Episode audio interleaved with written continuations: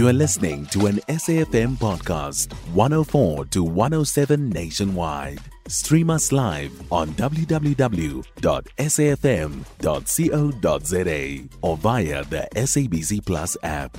SABC News, independent and impartial.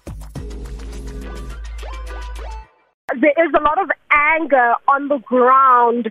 Um, we have witnessed um, numerous clashes since we arrived here um, for numerous reasons. They are accusing the, the shop owners of trying to tamper with evidence. Now, this sparked outrage in the community, where they, which was really dissolved by the presence of um, the the police in the area. Uh, but right now, what I'm seeing is that as though uh, the community members who have been stationed outside uh, the said uh, shop, they are now chanting songs and singing, and it, it seems as though this has turned into a protest. Earlier on, we heard and we saw that, you know, there were threats uh, from some community members who uh, were threatening to burn down the house where the shop is being housed as well as loot the shop. However, there were some community members, uh, with the help of the police, were able to stop this from happening,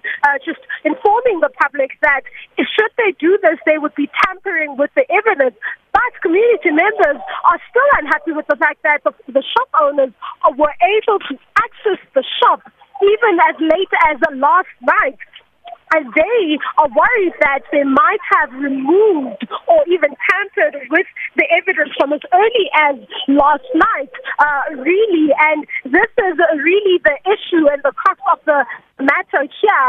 It seems as though residents and community members want justice for the two children and they want the case to find its way to court and they want, you know, the investigating officer to find, you know, concrete evidence which will be able to put uh, the people who may have been responsible for the death of the two children uh, behind the bars. Uh, but most of all, uh, speaking to residents, it seems as though they would like a complete removal of all foreign-owned shops in the townships. One of the concerns is that they do not adhere to safety and health regulations. They say that you never see health inspectors uh, coming to these places to see that um, the, the goods that are actually sold in these shops are fit for consumption and that they are not counterfeit goods, neither are they um, expired goods.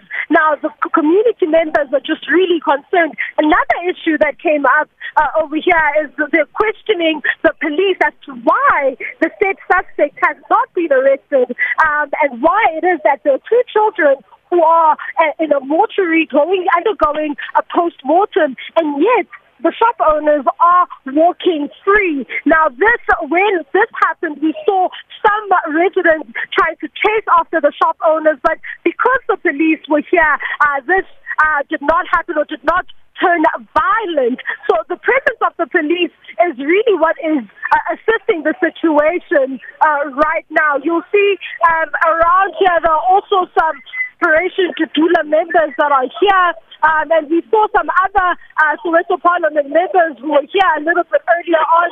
So it seems as though, you know, uh, it's a gathering of, of many people who have come together um, really to try and educate the public on the importance of ensuring that there is no looting that takes place. Students themselves are saying that they will not loot um, any of these shops. However, they want them to pack up and go all on their own.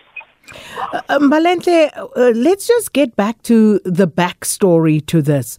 Uh, what is alleged to have happened to these four children? That's the two who unfortunately passed away, and then we understand uh, two other children are in a critical condition in hospital. So, what is the story as you have gathered it on the ground?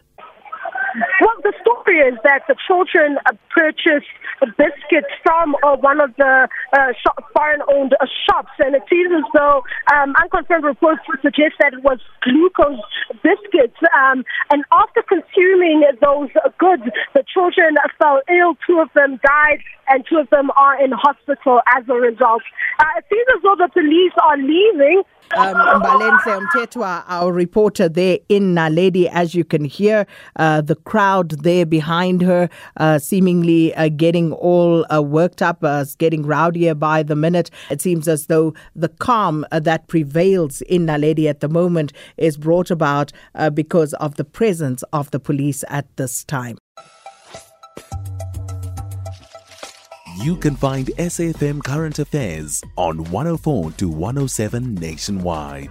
Our podcasts are available for download on all our digital platforms. SAFM, leading the conversation.